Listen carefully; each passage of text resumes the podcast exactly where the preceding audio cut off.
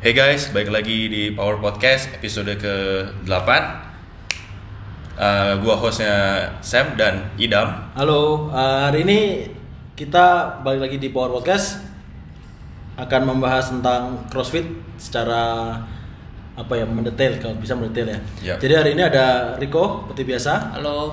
ada juga eh, Ardi Wirawan ya. Jadi salah satu CrossFit entusias atlet. OG. Dulu OG-nya OG, CrossFit OG deh. CrossFit. Ya, uh, Halo Nanti akan kita akan bahas bareng Ardi. Jadi untuk awalnya silakan perkenalan dulu Ardi dari apa namanya backgroundnya atau Jadi lu siapa? Dulunya CrossFit mulai gimana? Terus sekarang latihannya apa? Yes, dari awal sampai Dari awal sampai akhir. nih. Oke. Jadi orang tahu lu lu siapa gitu. Atau Oke. misalnya lu ada sertifikat apa? Lu pernah ngajar nggak? Gitu-gitu deh. Oke, sip Oke, uh, gue Ardi Um, Sedikit background aja. Dulu uh, waktu high school sama kuliah uh, Gue start um, main rugby sama rowing.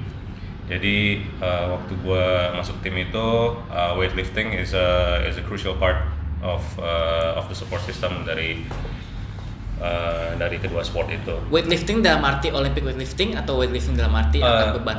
Angkat beban sih. Oh, biasa aja gitu. Biasa Weight aja. Oh, lifting, weight, weight weight training. sorry, weight training.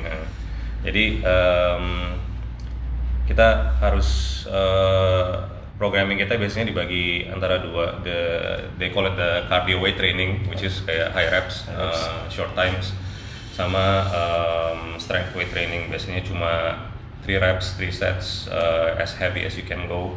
Um, tapi uh, over time setelah gua selesai uh, kuliah uh, udah nggak main rugby dan nggak rowing lagi yang tetap stick di gua adalah uh, weight trainingnya jadi gua regularly weight training um, sejak high school nggak pernah putus kadang-kadang putus-putus ya kalau lagi males sebulan Ini manusiawi manusiawi.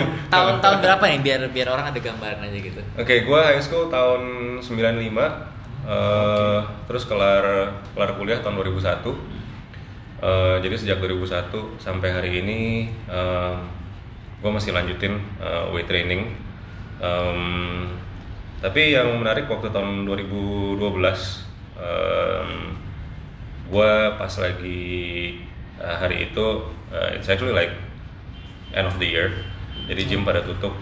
Eh gue nggak bisa ke gym padahal lagi liburan sebel banget. Jadi ini, ini juga tutup nih besok. Pasti jadi eh, jadi gue lari. Ya gue pikir gue lari lah di kompleks. Nah, pas gue lagi lari ya satu kilo aja rasanya udah mau mampus. Eh, jadi gue ngerasa kayaknya ada yang salah di situ. Karena dulu pas gue lagi rowing atau main rugby uh, I never had that problem. Disuruh lari nggak pernah ada masalah. Ya lah rugby kalau masalah lari sih Iya, ngapain? iya. Jadi gue coba cari-cari alternatif lain uh, dari training, terus uh, ketemulah teman gue, teman high school gue actually uh, orang Brunei. Dia punya CrossFit affiliate di Brunei, namanya Get CrossFit. Um, dia yang saranin gue untuk cobain CrossFit. Terus uh, jadi bulan Januari nggak mikir-mikir lagi, begitu buka langsung gue cobain CrossFit di Simpruk dulu um, itu 2013 Januari Uh, jadi pas gue pertama kali cobain sana gue dikasih workout yang simple banget gue disuruh uh, push up uh, squat sama jump rope uh, 10 menit nggak berhenti berhenti. Hmm. itu uh, gue pikir ya 10 menit gitu kan. Gampang lah ya setelah kelar 10 menit gue nggak gelepak nggak bisa bangun. Rasanya udah udah mau mampus. Tapi um, tapi on that day gue merasa uh, it's uh, it's something different dan bukannya gue males untuk ngelanjutin lagi malah gue looking forward for the next session gitu karena um, for some reason it feels good. Gue nggak tahu mungkin ada salah satu apa feeling good hormone lah ya endorphin or whatever gitu it's uh, yang gue belum pernah rasain. So uh, it felt good. Gue akhirnya coba masuk ke CrossFit I sign up for membership uh, dan segalanya. And then I decided di uh, further down the road gue ngambil certification buat level one trainer Di mana nih? Singapura. di Singapura. Oh, Oh, Singapura. di Singapura. Jadi ya um, I was enthusiastic. Uh, gue ngambil sertifikat tersebut, terus gue pulang uh, bantu-bantu coaching di Simprok terus kayak gitu, and then later on di SCPD uh, for other CrossFit affiliate. Habis itu uh, gue coaching lagi for a very small gym di Simprok lagi. Uh, isinya paling cuma 4 atau lima orang uh, at one time. Jadi approach-nya di situ lebih ke almost like one to one atau paling nggak one to two Oh. people gitu. Semi private. Semi private gitu. Jadi kira-kira that's a, that's a background lah.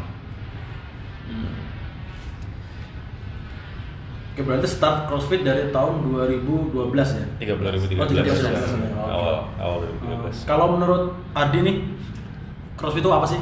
Nah ya Cara def- perspektif- definisi ya, CrossFit dulu deh. biar-. Oke, Kadang kalau orang mungkin definisinya ada yang salah atau Nah, mereka eh. salah ngerti CrossFit itu apa. Dari lu dulu deh. Ya. Oke, nah dulu waktu pertama kali gue mendengar kata-kata CrossFit, gue masih nggak tahu definition dari si Greg Glassman itu apaan atau dari orang lain itu apa. Eh, jadi eh, the first impression that I get about the word CrossFit itu adalah it's it's the fitness across all fields gitu. Jadi Oh, it's, uh, iya. Kayak cross training iya, lah. kayak cross training. Sebentar gitu lah. sebelum itu orang barang tuh nih Greg Glassman tuh siapa? Oh, ya Greg. orang tahu dulu gitu ini siapa nih Greg Glassman. Greg Glassman is the founder of uh, CrossFit. Oh bagi yang nggak tahu itu foundernya. Terus terus. Oke ya, jadi eh, karena by experience dari hari pertama yang gue kerjain di eh, di CrossFit affiliate yang gue datengin, em, itu yang kayaknya gue lihat gitu loh. Eh, karena hari pertama gue datang gue gak dikasih pegang barbel, gue hanya disuruh Push up sama push tadi. up, em, Squat. terus Squat ya, squats, squat ya. eh, sama jump rope. Eh, tapi gue ngeliat member-member yang lain di sana eh, cara mereka training adalah within one and a half hour mereka spend 15 menit warming up, stretching dan lain-lain, lari muterin blok, and then they start their weight training, which is usually eh, waktu itu mungkin back squat atau front squat, I can't remember, tapi it's it's one of the basic lifts. Eh, abis itu and then they start the uh, the metabolic conditioning, uh, they, they call it. Met- Metcon. Uh, Metcon. Jadi so the Metcon part is uh, is that non-stop part that I did yang kerjaannya cuma push-up-nya 10 ya. menit push up uh, dan lain-lain gitu. So uh, hari itu gue ambil kesimpulan bahwa oke kalau gitu uh, gue ngerti kenapa temen gue suruh gue cobain CrossFit karena selain selain strength yang gue bangun over the years dari weight training, gue juga butuh uh, this kind of endurance. gitu. Iya, iya. Jadi uh, perspektif gue adalah CrossFit is supposed to be the balance between endurance and strength. Jadi berarti sampai sekarang masih CrossFit atau udah Uh, ganti-ganti Ganti aliran latihan lah? nah ini yang lucunya kalau kita ngomong CrossFit, we don't really know sekarang CrossFit itu uh, definisinya lari ke mana. Soalnya um, Kalau uh, definisi, definisi dari CrossFitnya sendiri deh, dari CrossFit HQ. Oke. Definisi apa sih gitu loh? Kalau definisi dari CrossFit HQ sendiri itu CrossFit is a constantly varied functional movement performed at high intensity. Jadi eh, kalau dari si Greg Glassman itu sendiri, kenapa dia menciptakan CrossFit? Eh, intinya buat longevity untuk orang Buat bisa apa, sorry? longevity. Oh, longevity. Nah, jadi untuk orang bisa hidup lebih panjang, eh, bisa unassisted living pada saat mereka udah lebih tua, nggak usah didorong di kursi roda dan sebagainya. Jadi the ideal is to create an, uh, an elevated working capacity pada saat kita muda, jadi pada saat kita tua uh, dia sehat lah, masih bisa sehat. Gitu. Nah makanya uh, yang disebutin adalah constantly varied functional movement karena uh, sehari-hari kita uh, kita nggak tahu kita harus uh, melakukan tugas apa physically. Yeah. Ada yang tiba-tiba kita mesti ngangkat uh, galonan, Galon, ada yang iya, iya. mesti ngangkat ini atau mesti dorong mobil atau apa gitu kan. Jadi uh, that's what he's trying to do gitu buat uh, membuat kita siap untuk uh, any physical challenge yang kita bisa uh, dapetin di hidup ini. Oh, berarti menurut dia itu eh, harusnya CrossFit itu sebagai training modality ya, maksudnya Sebagai as a training. training, not a Yep. sport gitu kan. Nah uh, intinya ya at in the beginning that's that's In the beginning yeah, it's- it's- that's, it's- that's it ya. Oke oke, saya sih. Oh, kalau gitu berarti kan pasti ada pro dan kontra kan maksudnya di semua hal pasti ada lah. Kalau Iya. di CrossFit menurut lu Pro-nya ada. bagusnya dan kurang jeleknya apa sih? Bagusnya Bagusnya dulu, bagusnya Bagusnya dulu. Oke, Bagus. Oke. Nah kalau menurut gue bagusnya CrossFit itu, gue ngalamin sendiri waktu awal-awal gue join uh, CrossFit uh, as a training dan gue adaptasi itu uh, into my training program. Karena uh, yang paling gue berasa adalah it improves my endurance, uh, stamina segala macam karena uh, benar-benar uh, dari metabolic conditioning itu itu ngebantu gue banget. Uh, setelah By the way setelah gue masuk ke CrossFit itu gue cobain lagi lari di kompleks gue setelah dua bulan kalau nggak salah. Eh, tanpa gue latihan lari I could run 5 km no problem. Yang sebelumnya kayak satu kilo aja gue udah nggak nggak gitu. Jadi eh, itu yang gue rasa kalau seandainya buat buat gue sendiri personally eh, it it brings balance dari eh, dari segi eh, training gue Oke. Nah, tapi kalau untuk general population, kalau gue boleh nambahin dikit, eh, CrossFit itu bagus banget untuk membuat orang start eh, working out Oke. dari nggak ngapa-ngapain, eh, yang mungkin lebih sedentary, yang lebih eh, nyantai, em, mereka bisa start um, to like working out actually karena si CrossFit ini kan is actually a group, it's a group Iya, workout. group workout. Jadi you get motivated dari orang-orang yang lagi di sebelah lo dan mereka juga nyorakin lo, Hmm. and then um, you you know that you're not alone in this. Uh, mereka bersupport Hmm. and sampai hari ini pun gue juga masih banyak lihat teman-teman gue yang dari dulu uh, when they started together they're still in it Uh, dan mereka masih supporting each other dan secara community juga some of the people that I know mereka masih supporting each other. Kalau misalnya lagi ada competition di uh, in one box semuanya pada datang dan lain sebagainya it's, it's actually good that way. Gitu. Ada pros pros lain mungkin? Atau Um, mungkin mostly sih gue uh, on top of my mind itu sih yang paling gue rasain ya. Yang um, and people actually like they they, they learn new skills ah, um, keeps them motivated gitu. dan uh, ya mostly itu sih Oke. Eh, jadi kalau dari gua prosnya actually lumayan ya. Eh, seperti yang dibilang orang yang dari ngapa-ngapain kan wah seru nih pengen which is good gitu kan lu mau Hmm. workout eh, kalau ya anytime Ya, lu orang ya. dari nggak ngapa-ngapain workout is good gitu. Iya. Eh, kedua, gue bilang mereka bagus untuk introduce eh, apa basic barbell movements kayak Yes, back yeah. squats, Yeah, deadlift, even Olympic lifting kayak bisa clean. Nah jadi orang nggak takut gitu kan. Dulu kan kayak, aduh back squat bikin gue pendek, aduh back squat bikin gue backnya sakit, aduh Yeah, deadlift gue cedera. Yeah, Tapi semenjak ada banyak crossfit box, orang lebih kayak open mind kayak, oh ternyata Nggak apa-apa. nih mau apa-apa. gue Hmm, cewek nggak iya. apa-apa, mau gue cowok, mau gue anak, maksudnya mungkin kayak teenage Iya, gitu iya, atau iya. mungkin udah agak tua juga masih bisa angkat beban. Iya, iya, gue setuju Gitu kan. banget itu. Nah, jadi eh, itu bagus ya. Eh, terus juga maksudnya mereka juga apa eh, bikin orang keluar dari mindset kayak aesthetic first lah gitu lah. Oh, Oke, iya, maksudnya iya, kalau iya. lu bilang orang nggak peduli estetik, gue bilang bullshit lah. Pasti Bullshit. Iya, pasti iya. sedikit pun pasti lah lu mau look good lah Iya. gitu lah. Nggak nggak mungkin totally nggak Iya. mungkin. Tapi di same time mereka kayak apa cara mereka latihan kan bukan kayak bodybuilding isolation movements banyak banyak Iya. ini kan lebih Hmm. banyak compound movements banyak quote Hmm. unquote functional movements gitu kan Iya. which is which is very good gitu Mhm.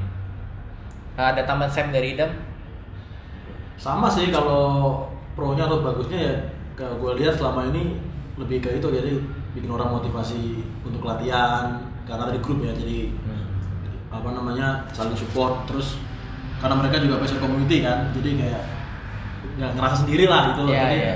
Nggak bosan juga ada ya. saat misalnya malas latihan lihat temennya latihan jadi jadi semangat lagi jadi gitu gitu yang kalau menurut gue bagus gitu loh support systemnya juga Ya, bagus. yang kayak dibilang si lingkungannya Christian bagus lah lingkungannya Christian Thibodeau yang dibilang apa dopamine, dopamine environment Ah. ya Iya, iya.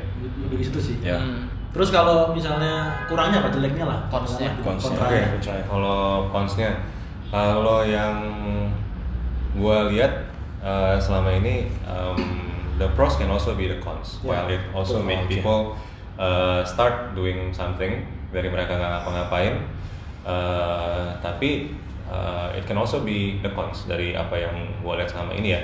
Karena dari mereka nggak ngapa-ngapain, mereka masih nggak bisa mengenali badan mereka sendiri.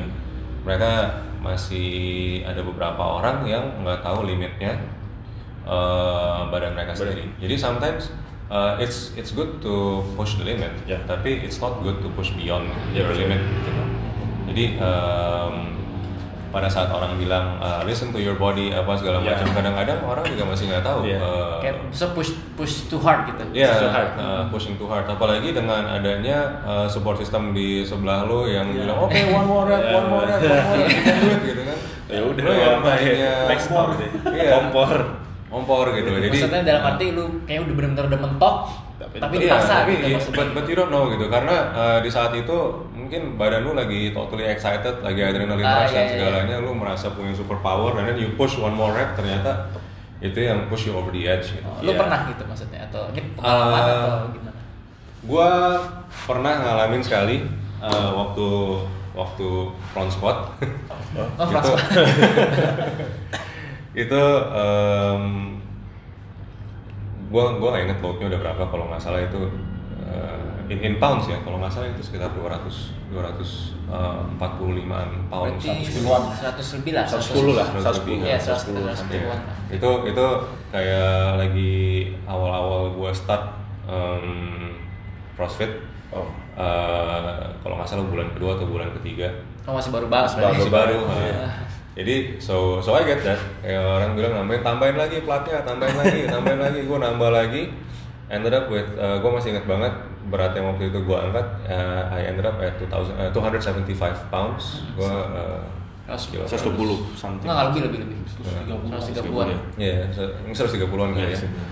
275 pound. Um, pas gua turun, I can hear something rap. Oh, oh. Mana? tapi tapi it's it's not my pants for sure. Oh. Itu tiba-tiba begitu gue berdiri, gue masih merasa oke. Terus pas gue jalan, lutut gue kaku. Nah, Gue uh, gue nggak bisa apa uh, for the next uh, few weeks. Um, jalan sih gue bisa, cuma ya of course no training for me. Iya, iya. Jadi uh, seenggaknya itu yang um, I learn early uh, dan sejak saat itu pun juga gue gue juga mulai throttle down. Uh, kalau kayak gitu-gitu gue udah gak mau dengerin lagi Empat dan lain-lain. Iya. Bodo amat, maksudnya badan badan gue gitu. That's right. Ya ya ya ya. Eh, Jadi ya gitu, jadi itu pengalaman gue sendiri dan gue juga ngeliat uh, beberapa orang juga kayak gitu. Um, beberapa orang pada saat lagi mereka metcon yang gue benerin atau yang gue tegur pada saat form mereka mulai break, they don't listen. Ya Mereka, udah, bodo amat. Ya udah, dihajar terus aja gitu. Dan uh, menurut gue juga salah satunya um, ini gue share experience gue waktu gue ngambil L1 certificate Ya. di Singapura. Um, menurut gue yang yang bikin gue kaget dan gue sangat appreciate, gue sangat respect coach di sana adalah uh, ini coachnya HQ by the way, Ah. CrossFit HQ. Mereka uh, they have the guts untuk stopin lu, bener-bener suruh lu berhenti ngomelin lu, jangan pegang barbel lagi, stop, go to the corner, don't do anything because you're putting yourself at danger, uh, at, at risk gitu. loh. Nah itu yang menurut gue di sini kita perlu lebih tegas ya, in terms like coaching. When you see someone uh, doing that, uh, mesti tegas aja tegas, gitu. iya, iya. Gue waktu itu sendiri, gue sendiri yang disetopin karena gue Oh. thruster. Ah. gue thruster, gue nggak tahu gue salah apaan. Ah. Uh, menurut gue uh, movement gue bener. Bener gitu. Uh, Tapi ternyata enggak. Tapi ternyata enggak. Ada yang miss. Dan uh, setelah setelah itu gue baru disamperin sama dia dan gue dikasih tahu bahwa movement gue salahnya karena elbow gue kurang naik pada saat gue turun. Uh, Oh iya, jadi- collapse Iya. gitu. Collapsible. Iya. Jadi dari situ ya it's it's actually a good uh, learning point karena gue gak akan lupa seumur hidup tuh digituin. Hmm. Jadi uh, sampai sekarang kalau saya gue thruster, I always check my elbow gitu. Iya, iya. Sih, sih. Kayak bisa kalau dari gua konsnya mungkin ya gua agak panjang nih mungkin ya. Hmm. Cuman coba gua buat agak singkat biar nggak terlalu bosen. Jadi satu mungkin yang gue lihat kurang lack, yang lacking itu ketika orang masuk, setahu gua ya, at least di sini nggak ada assessment gitu loh. Iya. Karena CrossFit kalau misalnya coba Adi benerin gue ya kalau salah eh, movement dasar yang movement quote unquote dasar tuh banyak gitu kan ada coba kita. Sembilan. Sembilan. Sembilan apa back squat, Back squat, front squat, overhead squat. overhead squat, Mhm. military press, Uh, Yes, uh, overhead press, I mean, like, overhead press, uh, push press sama push, jerk. press, push jerk, Clean. Terus ya gitu ada deadlift, deadlift, semua tujuh, deadlift. Semua 8 Eh, itu semua deadlift eh, semua deadlift high pull sorry. Itu yang ke-8 8 yang terakhirnya maxim ball clean. Racing ball clean. Oh. itu 9 loh ya 9 movements yang requirementsnya mungkin lumayan susah untuk orang. Misalnya kita anggap general population yang orang kantoran mungkin athletic backgroundnya either nggak pernah, Nggak pernah atau enggak mungkin udah lama banget dia terakhir olahraga gitu 10 tahun lalu Iya. gitu kan. Hmm. oke lu nggak ada sama sekali. Maksudnya lu gimana mau tahu dia kurangnya di mana at the first place gitu kan? Karena Iya. lu harus ada baseline kan. Kayak berarti gua, gua ke dokter lu nggak bisa asal minta obat lu nggak bisa ngasih pasti kan dia cek dulu kan lu mau cek darah kayak lu cek Iya. pulse lu cek apa pasti ada baseline untuk dia ada ada kasih obat atau kasih prescription atau kasih whatever gitu kan. Hmm. jadi sama gitu kalau misalnya anggaplah uh, overhead press gitu lu punya shoulder flexion berapa banyak? Lu cek Oke, kalau nggak dicek obviously kan lu nggak nggak bisa tahu dia apa appropriate apa enggak untuk Hmm. overhead press gitu kan. Thoracic extension ada apa enggak gitu. Dia bisa maintain the request position over pelvis apa enggak gitu loh. Hmm. napasnya gimana apakah baiknya overarch apa enggak banyak banget kan? Squat hip Yeah. internal rotationnya gimana? Hip external rotationnya gimana ankle mobility gimana hip flexionnya gimana hip extensionnya gimana kan banyak banget yang lo harus cek untuk dia bisa Yeah. actually proper squat before you actually load them gitu kan Hmm. ketika lo dapat info itu kan baru lo bisa actually prescribe exercise Yeah. gitu kan Hmm. atau misalnya thoracic rotation belum eh, dicek apa enggak gitu kan shoulder extension adductor mungkin flexibility untuk kayak sumo segala macem kan enggak apa lagi tuh tadi uh, movementnya apa lagi sih yang gue kurang oke misalnya apa uh, elbow. Uh, lats Lats- flexibility, kalau Yeah, lats untuk, clean segala macam kan. Jadi itu hanya sebagian doang bisa bisa banyak banget. Jadi assessmentnya nggak ada kalau sebelum nggak ada assessment lu cuma bilang oh kita kita ada foundation class kok kita ajarin basicnya. Tapi kan itu lu ngajarin basic tapi lu nggak tahu apa apa tentang orang itu gitu loh. Tiba-tiba dia lagi squat form bagus ketika lu tambah load kok kayaknya Hancur. gua Iya. ada yang enak ya Iya. kayak ada yang pincing kenapa gitu? Lo lu nggak tahu kan? Oh nggak apa-apa kok terusnya gitu. Atau enggak oh mungkin keberatan kurangin. Keberatan. tapi kan itu nggak solve apa-apa itu lu cuman kayak hilangin simptomnya doang. Masalahnya apa lu nggak tahu kan karena lu nggak pernah actually assess dia gitu. Secara Hmm. secara joint Iya. secara movement secara ini kan. Menyeluruh lah ya. Menyeluruh gitu. Gimana lu mau benerin dia gitu kan kalau nggak tahu problemnya di mana in the first place gitu. Uh, mungkin itu satu konsepnya. Kedua uh, Gen ini si Adi pernah ceritain gue dulu. Uh, jadi foundation classnya itu nggak ada requirement ya bener kan? Jadi misalnya nggak nggak ada orang harus kayak misalnya oh lu harus foundation class 6 bulan gitu. Oh. Bebas kan ya? Jadi Um, tergantung tergantung boxnya gitu kan ya? Ya biasanya sih kalau yang pernah gue lihat it's uh, there are two models. Uh, satu ada satu box yang gue lihat um, dia nentuin foundation class tuh terdiri dari lima kelas. Masih Jadi udah at the end of that uh, Sesi, five classes langsung ke udah selesai. Gitu. Oh. You're uh, you're good to go. gitu Ah. kan. Tapi uh, ada satu box lagi yang gue tahu, uh, which is not here. Um, dia nggak akan ngasih lo uh, join the Class. Regular the, the class. regular class sebelum dia ada final assessment. Jadi Oh. kalau maksudnya final assessment itu selesai foundation Evaluasi class gitu. Iya, terus dites ulang evaluate, oh, oke. akan dites ulang. Iya. Tapi uh, itu menurut gue yang uh, Yang bagus. yang, bagus Iya. gitu. Karena uh, different people is uh, has Iya. different needs kayak yang tadi uh, Rico bilang aja gitu kan. Kita nggak ada assessment, nggak ada apa-apa. Uh, secara personal, gue nggak ngalamin masalah itu karena uh, seperti yang tadi gue describe, gue udah terbiasa megang barbell. Hmm. Jadi waktu gue masuk, actually even uh, in that uh, in that particular uh, CrossFit affiliate, gue punya foundation class di cut. Oh. Jadi jadi pendek banget karena semua movementnya gue udah bisa, Ah. gue udah uh, I'm, very much used to it gitu. Oke. Nah, jadi kan gitu ya. Jadi kalau misalnya foundation class-nya kayak dibilang cuma 5, lu perlu belajar 9 movement orang yang gak ada athletic background. Terus anggaplah misalnya dia parah deh misalnya dalam kutip tight banget lah gitu kayak lu gak tau kenapa kan cuma 5 lu mana bisa gitu tiba-tiba lu jebrot lu kasih watt terus lu bilang tapi kita scale down kok ya doesn't fucking matter ya lu Yeah. scale down tetap aja kan yang masalah kan movement ya bukan masalahnya Beratnya. bukan beratnya gitu Yeah, kan mechanics nih. Iya, kalau kalau kayak tadi foundation classnya sampai bener di ada di evaluation lagi, sebenarnya bagus itu bener berarti Iya. dia, dia udah make sure orangnya semua udah udah checklist lah, udah bener semua. Oke, lu silahkan gitu kan. Tapi apakah sekarang di sini gitu kan mungkin enggak gitu kan? Iya. Itu satu. Kedua, eh, form ini udah mungkin topik paling sering dibahas orang kali ya form Iya, iya. form CrossFit. mungkin Adi setuju. Jadi mungkin kalau orang yang apa baru datang dia nggak gitu bisa perhatiin gitu ya mungkin kayak oh kayaknya oke ya tapi kalau kita yang udah ngerti exercise apa pasti tahu nih oh ini formnya parah banget gitu karena Iya. satu pakai waktu gitu kan pasti mereka gitu Iya. waktu most of the workout lah mungkin nggak semua Ya actually even the strength workout uh, pakai waktu juga. Gue sering dengar kayak uh, use the 10 minutes to find your 1 RM. Ah. Jadi kayak it's uh, menurut gue it's actually not Not very enough. good ya Iya, iya. 15 minutes cari 1 RM. Ya kalau one RM lumayan. cuma kayak 80 kilo mungkin cukup. Kalau one Iya. RM-nya 200. 200 kilo. Kapan resnya pak? Iya, jadi itu. Jadi formnya kurang dan mungkin kalau formnya bagus pun kadang intentnya kurang gitu. Kayak misalnya gue liat orang oh air squat tuh kan bodyweight squat tapi kayak ngedrop jump butt wing banyak gitu kan. Mungkin ya in, secara kasat mata oke gitu. Hmm. Tapi menurut gua nggak sangat nggak oke gitu. Jadi form satu intent kedua gitu kan. Hmm. Uh, konsnya lagi ketiga uh, mungkin ini kita bakal bahas nanti ya. Uh, maksudnya uh, bukan next week maksudnya. Ya, nanti. nanti nanti beberapa Dipilih menit kemudian ya. Uh, Olympic lifting high reps. Hmm. minta si Adi bakal bakal ngomong juga tentang ini. Jadi itu mungkin salah satu yang actually menurut gua uh, bodoh gitu ya.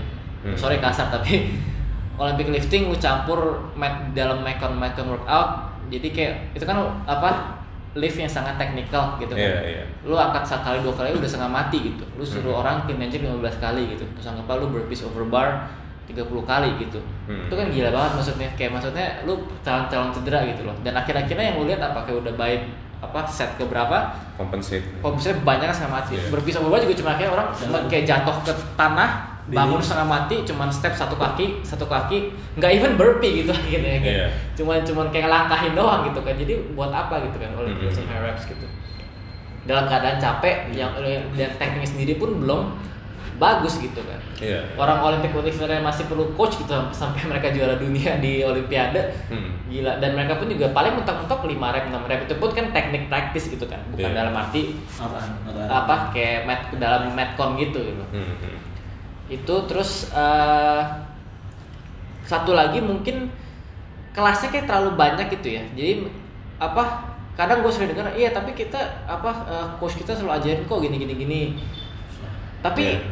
kenyataannya gue lihat enggak gitu reality enggak. Dia mereka selalu bilang oke kita selalu ajarin basic kita selalu perhatiin form kita selalu kalau datang ke boxnya lu lihat WOD mereka biasa orang biasa gitu ya bukan bukan top atletnya ya. Hmm. enggak gitu realitanya yang lu lihat enggak sama yang kayak mereka ngomongin gitu kan Iya. jadi mungkin ada itu apa incompetent coachnya atau enggak mungkin kelasnya kegedean untuk lu ngajar semuanya gitu loh secara detail Hmm. satu kelas 20 orang lu ngajar clean Ya, 20 orang mana susah. bisa gitu Iya. Gitu kan. Itu sebetulnya mungkin gue tambahin sedikit kali ya soal class size ya. Waktu dulu gue ngebantu-bantu coaching juga, uh, I was put in that position di mana gue mesti ngeliatin kayak about 10-15 people di dalam satu kelas. Uh, di saat mereka lagi barbell work, uh, ya deadlift dan lain sebagainya, it's probably easier karena mereka sharing one bar. ah Uh, lo masih bisa ngelihat kalau seandainya coachnya waktu itu biasanya kita berdua atau bertiga uh, ngeliatin lima row of barbells Hmm, uh, masih orang ganti-gantian gitu. itu masih oke Ah. Uh, simple movement kayak deadlift uh, points of performance lo bisa lihat dengan Dengan- mudah dan bisa benerin tapi begitu udah masuk ke metcon iya udah sama. 15 people gitu ya, udah disuruh kettlebell, push up, pull up dan lain sebagainya gitu ya. Em, tiga orang pun juga nggak cukup. Karena kalau misalnya lu ngomong kayak gitu about 15 people lu ganti eh, satu orang on average megang lima orang gitu. karena pace nya juga cepat gitu. Karena biasanya cepet sekali gitu. Jadi di saat lo ngelihat satu orang, lo kasih komen, misalnya lo benerin, eh, eh, kalau kettlebell jangan terlalu rounded misalnya gitu kan. Lo ngeliat ke sebelah, balik lagi udah rounded lagi gitu. Iya, it's, iya. it's not easy gitu loh Iya, untuk iya. kayak gitu.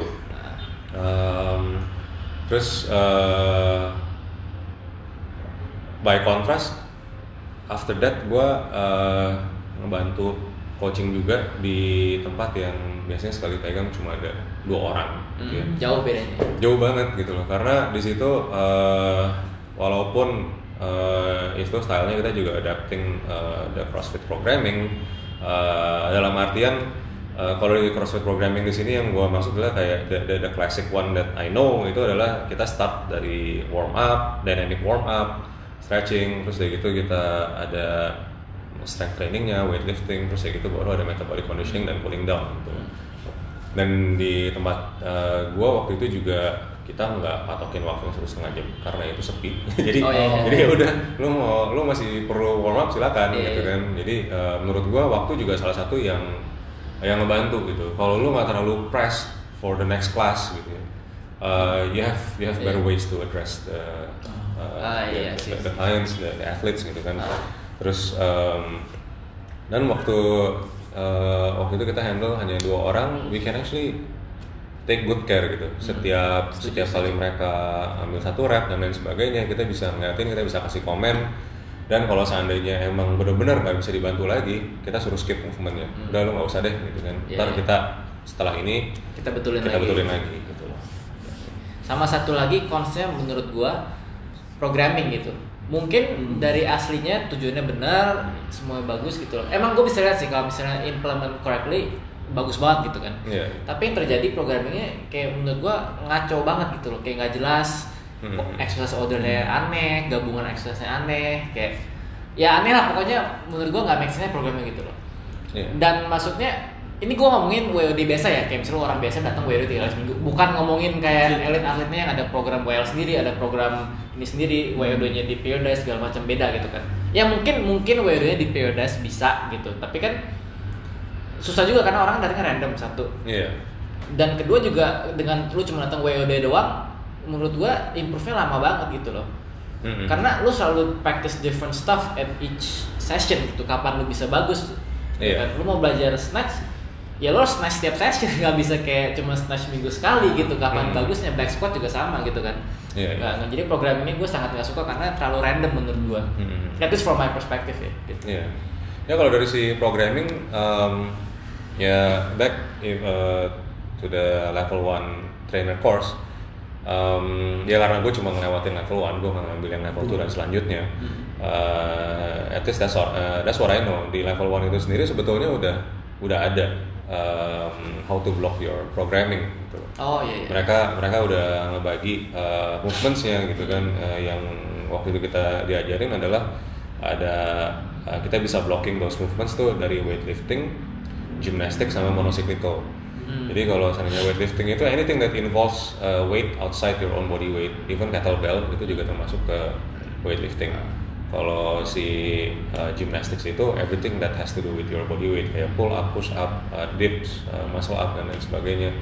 Terus monocyclical itu uh, biasanya constant uh, cardio Hmm. kayak rowing, Oh, iya, iya. lari, uh, jalan atau uh, skipping gitu kan kayak single Iya, unders. yang gitu. repetitif lah intinya. Iya, terus dari situ juga mereka uh, membagi lagi um, muscle groups. Hmm. Jadi kayak your legs, your back, uh, posterior chain, Ah. anterior chain gitu. Hmm. Dan kita harus bisa uh, masukin programming itu in a way that it complements each other gitu. Ya ya. ya. Sebetulnya uh, Nah secara itu gue setuju gitu. Iya. Tapi apakah yang lu lihat begitu gitu Nah, kan? iya, itu sayangnya Masalahnya itu. masalahnya di situ jarang. gitu. Jarang Nah. banget. Apa, di nggak tahu gue di Indo kan lebih apakah di Indo yang lihat udah ada yang mendekati itu belum? Eh, dulu sih waktu um, waktu gue di gym yang kecil di Simprok Oh, itu iya. programmingnya is actually very close to Ah, that oke. kind gitu. Tapi yang di tempat-tempat lain Yang di tempat lain gue merasa agak uh, Agak sedikit random. sedikit gitu. Melenceng lah ya dari Iya, dari iya. orang. ya mungkin at the same time kayak mungkin business decision bikin orang interested gitu kali ya. Yes, eh, itu pernah di ngomongin ke gue juga explicitly waktu gue coaching eh, bahwa itu salah satu yang mereka harus keep up, which is the interest of Oh, Jadi people. meskipun orang pertama kali datang kalau emang programnya suruh clean lu aja clean gitu. Meskipun orangnya pertama kali gitu. ya Atau bisa snatch gitu. that's that's what I was told, tapi Oh. gue gue nggak mau. Oh, lo nggak mau? Terus gimana tuh jadi? Jadi akhirnya ya ya udah I I, I step off gitu. Gua uh, gua mendingan nggak ngerjain itu. I, I would rather uh, step away daripada ngelukain orang. Iya iya iya. Jadi, Jadi uh, masalah mungkin lebih di- mungkin di- agak in way di situ kali karena mereka harus Hmm. kayak generate Benar. more members, more apa. Jadi Iya. kalau cuma programnya squad back squad, Iya. orang kan datang bosan Iya. gitu. Nah, sebenarnya gue juga nggak bilang bahwa bisnis uh, perspektif itu salah, cuma mungkin caranya aja kali. Ah. We still need to get people Iya, interested. I agree. karena uh, karena menurut gue kayak um, waktu itu gue juga sempat um, coba-coba ngitung kalau seandainya bikin gym berapa duit. Hmm. Dan uh, setelah gue masukin rent, equipment dan lain sebagainya, gue juga jadi mulai mikir gitu, gila ini gue butuh berapa member, Iya, iya. se paying member sebulan gitu kan. Kayak waktu itu kalau nggak salah hitungan gue is close to 35 member sebulan selama setahun yang bisa gue retain. baru gue bisa uh, jalanin gitu. uh, tempat itu gitu loh jadi sebetulnya it's a, it's a valid point gimana kita bisa ngebikin orang interested tapi menurut gue uh, bikin orang interested karena lu intrik da- uh, karena lu nggak bisa melakukan suatu lift jadi lu pengen balik lagi I think it's uh, it's not the right way. Uh, ada cara better way yang Iya. it's a safer way lah daripada Iya. lu kayak paksa orang yang benar-benar baru untuk kayak lakuin hal-hal Iya. yang technical clean nah mungkin even rope climb gitu kayak gue pernah Hmm. ceritain sama klien gue kayak iya Dek, gila banget nih katanya. Masa gue disuruh pertama datang disuruh apa manjat tali tinggi-tinggi? Oke, ya gimana? Ya gitu deh.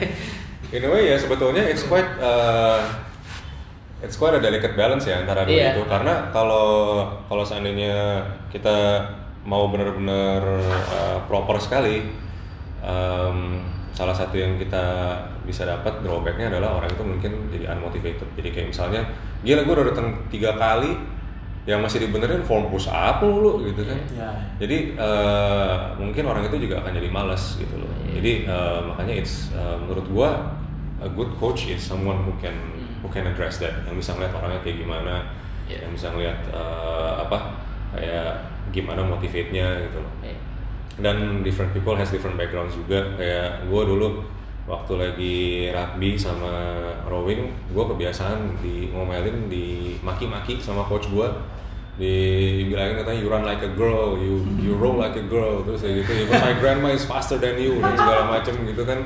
Kayak gitu-gituan eh, buat gue terbiasa dan itu motivate gue gitu. Jadi kayak em, kayak yang orang pernah ikut tim sport pasti pernah kayak gue basket Iya. idam bola pasti pernah dimaki-maki juga iya. Tapi kalau beberapa orang yang gue tahu they get offended kalau Iya. digituin Iya. gitu. Kayaknya gue bilang itu kalau orang yang mungkin gak ada lebih yang bukan atletik background gitu ya, bukan Iya. kayak tim sport yang kayak mungkin sedikit kasar ya dalam artian Hmm. kalau orang tim sport bener kayak oh fuck you kayak you suck gitu kan, kayak lebih frontal banget gitu kan. Dan mereka, mereka udah biasa kayak malah kayak oh kayak I'll prove you wrong gitu kan. Tapi kalau Iya. orang biasa mungkin gak kayak gitu. Iya iya. Nah ada apa? Eh, tadi satu poin yang menarik menurut gua adalah tentang weightlifting ya, uh, Olympic weightlifting. Olympic weightlifting.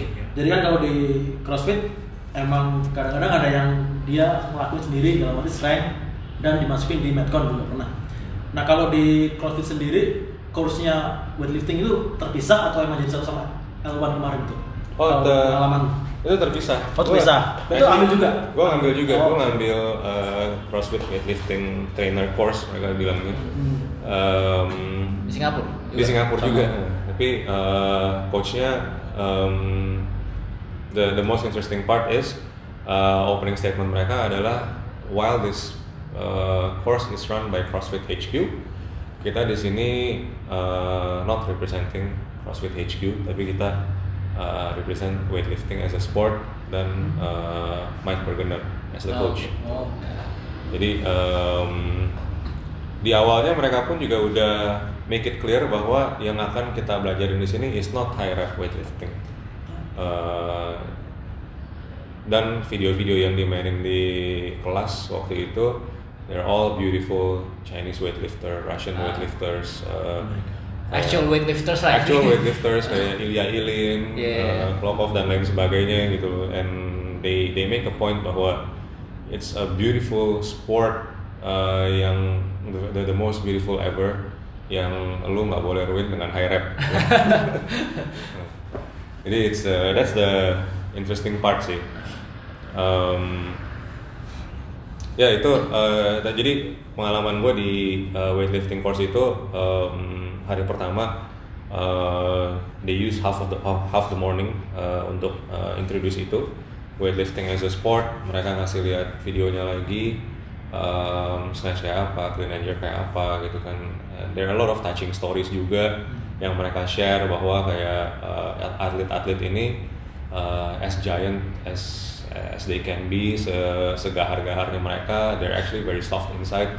Ada cerita waktu itu ada satu orang yang uh, weightlifter yang dia kasih lihat um, dia actually actual ceritanya gue lupa tapi intinya he did the competition for his wife yang baru pass away Hmm. Uh, dan dia determined untuk menang uh, as, a, as a present for her gitu jadi kayak gitu gituan tuh uh, it gives a very different perspective towards the sport uh, dibandingkan dari apa yang sebelumnya gue lihat di uh, CrossFit yang incorporate uh, Olympic weightlifting karena uh, to be honest juga pengalaman gue untuk Olympic weightlifting itu pertama kali emang di CrossFit Uh, tapi gue juga jadi interested uh, in Olympic weightlifting karena uh, pertama kali gue belajar snatch, pertama kali gue belajar clean and jerk, ya udah pasti ke YouTube gitu kan. Iya. Terus gampang.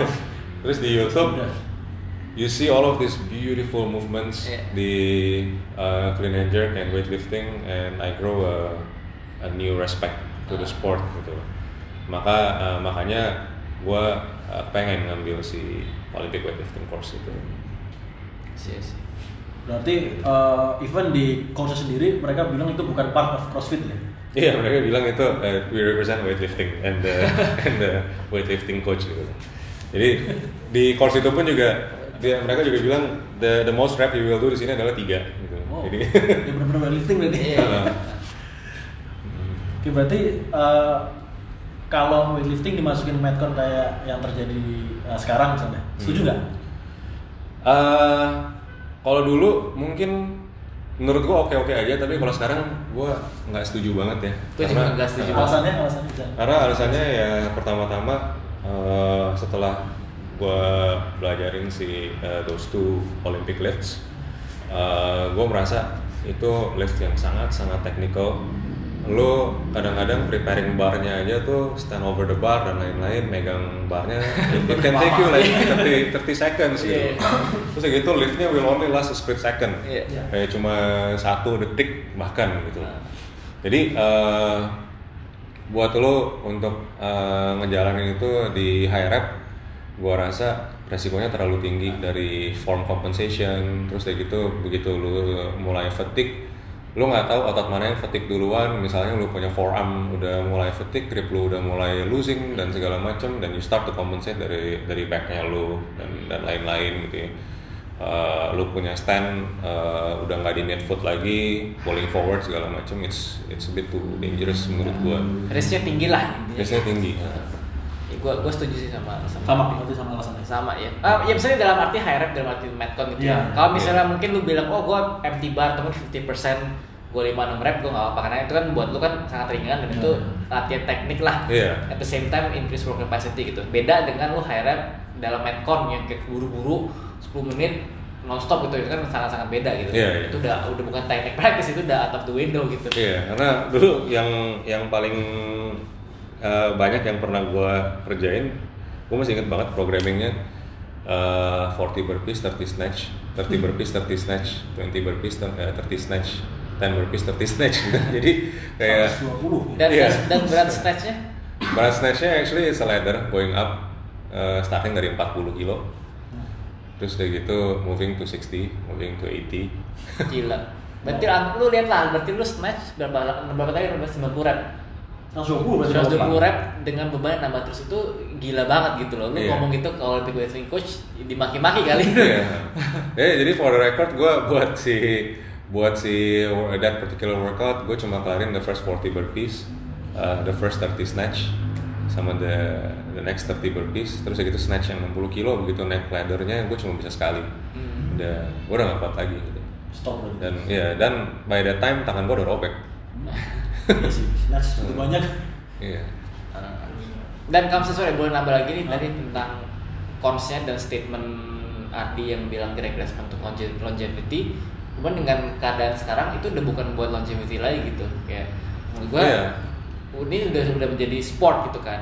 Hmm. bukan bukan sebagai training untuk uh, longevity gitu which is kayak bedanya jauh banget gitu mungkin Hmm. yang asli idenya bagus banget dan programmingnya secara di apa di level one mungkin level 2 gua nggak tahu Hmm. bener-bener detail tadi tapi akhirnya terjadi adalah begini gitu banyak orang cedera segala macam jadi udah bukan longevity lagi kan jadi cuma Iya. mau ya ada buat Instagram lu mau keren-kerenan lu mau Hmm. cuma kayak ya gitulah maksudnya Hmm. jadi seru-seruan gitu kan Iya. bukan bukan training for longevity lagi gitu Ya menurut gue itu eh, sayang juga sih karena em, dari apa yang gue lihat CrossFit can actually be very very beneficial Hmm. kalau diimplement dengan dengan baik dan em, kayaknya di sini juga salah satu yang menurut Rico tadi udah mention sekarang udah mulai jadi kayak sport it's because of the presence of CrossFit CrossFit Games, Games. ya. Nah, Jadi banyak em, mungkin orang-orang juga banyak juga yang realize bahwa these CrossFit game athletes they don't train like us. Ya. Uh, and and we don't train like them gitu. Ah. and we don't do our regular uh, training di box itu to be like them gitu. Jadi kalau lu coba uh, untuk menjadi mereka dengan regular training di boxnya lu susah gitu Mungkin nggak bakal terjadi sih. iya jadi emang it's it's good for them uh, untuk motivate jadi menurut gua uh, Ada, Games ada goalsnya lah. ada ada uh, aspiring to something gitu. Iya, tapi um, still gitu kan kayak it's it's the same thing with everything else. Lu lari untuk uh, nggak nggak buat jadi Usain Bolt, lu juga nggak latihan main basket untuk jadi uh, I don't know Kobe Bryant atau uh, you, you just you just do yourself gitu. Maksudnya um, satu prinsip yang mungkin gua mau share juga uh, prinsip gua adalah ya my best my biggest opponent is myself gitu. jangan jangan jangan melihat ke kiri kanan Hmm. to be like someone else or with someone else gitu. Ya jadi sekarang berarti CrossFit itu sudah apa ya? Karena ada games tadi ya, jadi kayak perspektif- orang jadi kayak mengejar sesuatu yang mungkin nggak bakal dia capai levelnya lah katakan kan. Karena yang atlet yang di games kan banyak kan udah benar-benar be- beberapa tahun latihan, backgroundnya juga kadang-kadang ada yang dari weightlifting, dari itu kan. Iya. Itu sebenarnya menurut gue juga salah satu kelemahan sih. Maksudnya orang kayak di sini juga banyak kan kayak games-games gitu kan kayak lagi mark juga kan, kayak Iya, iya. satu box bikin games atau apa. Eh, pertanyaan gua pertanyaan gua selanjutnya adalah kalau games-games yang di lokal gitu bisa kayak di box mana bikin setuju nggak? Um, Dalam arti eh, apa namanya ya, secara eventnya atau untuk menyusun eventnya gimana itu setuju nggak untuk Oke, kalau seandainya dari susunan event dan segala macam, gue nggak berani komen karena Hmm. gue Iya. belum belum ngalamin Ah, belum ikut gitu? eh, belum pernah Ah, oke. ikutin. Kalau karena biasanya kan event-event kayak begitu kan baru belakangan ini nih. Iya, iya, Jadi makanya dulu eh, dulu biasanya yang gue ikutin paling si CrossFit Games Open, Iya, yang gitu. Which is eh, di CrossFit Games Open itu you're actually racing against yourself kalau gue Hmm. bilang. Iya, iya. Tapi kalau di uh, kalau general opinion gue menurut competition yang ada sekarang, I think it's actually good untuk motivate orang, Ya. untuk kayak um, uh, membuat orang kayak oh gue mau preparing buat competition ini walaupun itu in house ataupun apa pun gitu ya. Ya, ya. Tapi itu bikin orang latihan lebih banyak, mereka ngeliatin form lebih benar gitu loh. Dan uh, kayak um, di box yang pertama kali gue ikutin di Simpro uh, before the CrossFit Games kita actually ngumpul sendiri gitu loh. Uh, siapa nih yang mau ikutan CrossFit Open gitu kan? Uh, akhirnya kita ngumpul kita cerita kita ngomongin uh, weakness kita apa aja. Uh, weakness gue ini weakness gue itu weakness gue ini weakness gue itu. Akhirnya coach kita dulu uh, sempat ngebikin sort of like somewhat customized program. Hmm. Misalnya buat lu nih, lu kan yang paling parah tuh di let's say handstand push up waktu itu kan. Lu mesti ngapain drillnya dan lain sebagainya gitu. Jadi it actually gives you motivation untuk memperbaiki diri, untuk menambahin skill, untuk memperbaiki skill dan lain sebagainya gitu. Tapi uh, one thing that we have to keep in mind adalah uh, this is just for fun gitu. It's just games. ya. Jadi Tapi nggak semua orang begitu gitu. Kalau Iya. orang yang kompetitif kan nggak Iya. bisa. Kalau nggak ngomong gitu, Hmm. nggak gue mau menang gitu loh. Kayak misalnya gue gitu contoh. Ya oke lu mau bilang for fun benar. Tapi di same time gue mau gitu ya mau menang gitu. Kalau lu bilang ya kalah nggak apa-apa lah. Gue habis terima gitu. Gue main basket misalnya gitu. Hmm. Gue menang gitu loh. Kayak ngapain gue ikut turnamen kalau gue Ya. kalah gitu. Itu Iya. gue gitu. Ada orang kan kayak gitu. Kayak kayak gue gitu. iya. Jadi kalau misalnya daripada lu latihan berantakan atau nggak jelas, mending gak usah ikut gitu. Iya, iya. Ya, itu kayak gitu gua sih nggak tahu Iya, iya. sebenarnya ya kalau gue ya I, I- eh, gua gua ngerti sih eh, poinnya Rico gitu kan maksudnya if we go into competition ya kita harus we have to aim to win of Ah, course gitu kan iya. tapi at the same time kita juga tahu level kita ada di ya mana limitnya di mana lah gitu Limitnya ada di mana. ya gue setuju gue setuju Nah waktu eh, mungkin sedikit share pengalaman gue waktu gue lagi rowing eh, dulu di Sydney waktu gue kuliah ini rowing asli ya bukan Rowing, rowing, ah. konsep to rower loh Iya. Di di air ini di di di danau. Di Jadi eh, di situ gue training sama tim gue setahun nonstop. Dulu dulu gue ngerokok bahkan gue sampai stop ngerokok untuk training rowing gitu karena gue benar-benar pengen menang. Eh gue setiap hari gue bangun jam setengah lima pagi untuk ke untuk ke sungai eh, start rowing kelar jam setengah delapan Eh, terus dari itu sorenya masuk eh, weight room ke weight training dan lain sebagainya di hari balapannya itu sendiri gue sama tim gue yakin banget 1000% udah pasti menang. Soalnya waktu kita eh, test run startnya kita jauh lebih cepat terus dari gitu kita punya sprint 500 blocks itu juga jauh lebih cepat dan kita juga merasa kayak udah ini udah pasti menang deh gitu kan. Tapi sialnya waktu kita eh, di starting line em, teman gue yang dari belakang Noel Noel dia bilang katanya lu mesti lihat ke sebelah kanan men. Terus gue bilang apa-apaan sih lu? Pokoknya udah konsen aja gitu. Bentar lagi start nih gitu kan. No, no. Lu mesti lihat ke sebelah kanan. Terus gitu gue lihat ke sebelah kanan. Sebelah kanan gue Olympic tim. Langsung. Waduh. gitu. Ah gila bener. Gila setahun wasted men. Gitu. Ya kalau udah kayak begitu lu mau apa ya susah gitu Iya. cuma menurut gua tetap lo harus try your best gitu Iya, Iya. tapi at the end of the day we get our ass beaten. Iya. Itu itu gapnya gede banget, but we won second place. Hmm. Seenggaknya di situ menurut gua we did our best, nggak menang ada nggak apa-apa. ya, tapi karena be kompetisinya tuh udah sangat jauh berbeda Iya. gitu. Ibaratnya gue lawan Michael Jordan, Iya. ya mau gue latihan 10 tahun juga gak bakal menang. Iya. Iya gitu. Ya bener sih bener bener. Iya. Iya sih. Jadi intinya uh, kalau competition itu sebenarnya bagus untuk menurut gue ya orang jadi tertata gitu latihannya. Jadi Iya. kayak oh ada ada competition nih, ada ada tujuannya lah. Iya iya iya.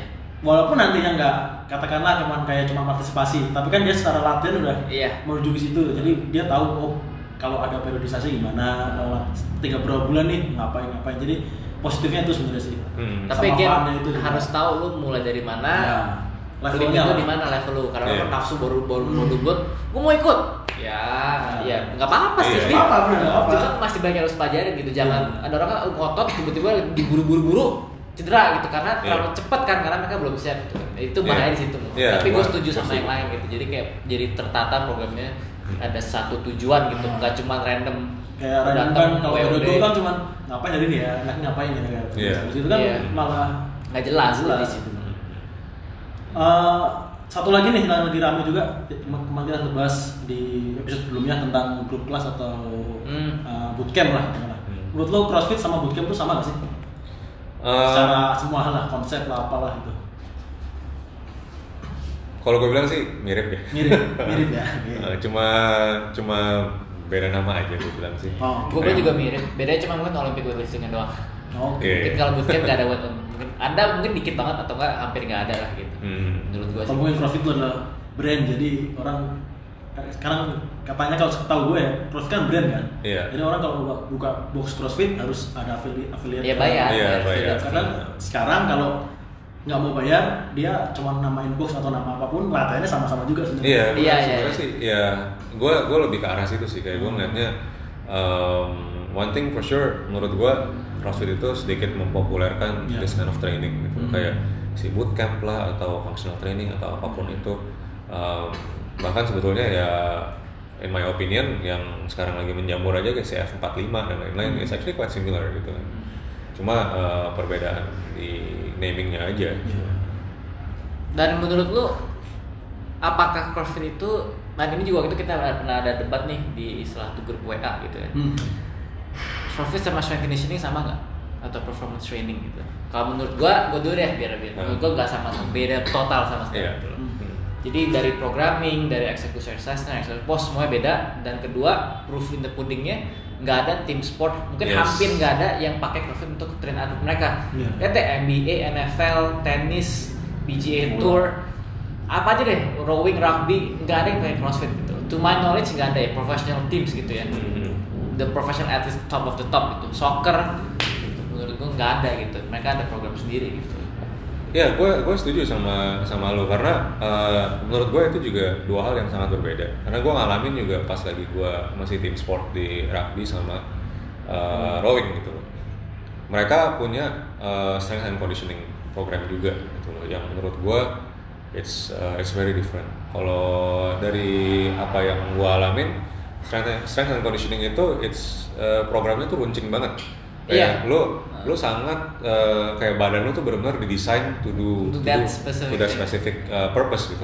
Kalau CrossFit general. Kalau CrossFit lebih general gitu dan uh, ya sebetulnya it's uh, it's like uh, it's like what the uh, like kayak apa yang si Greg Glassman bilang gitu. It's a generalist bukan spesifik gitu.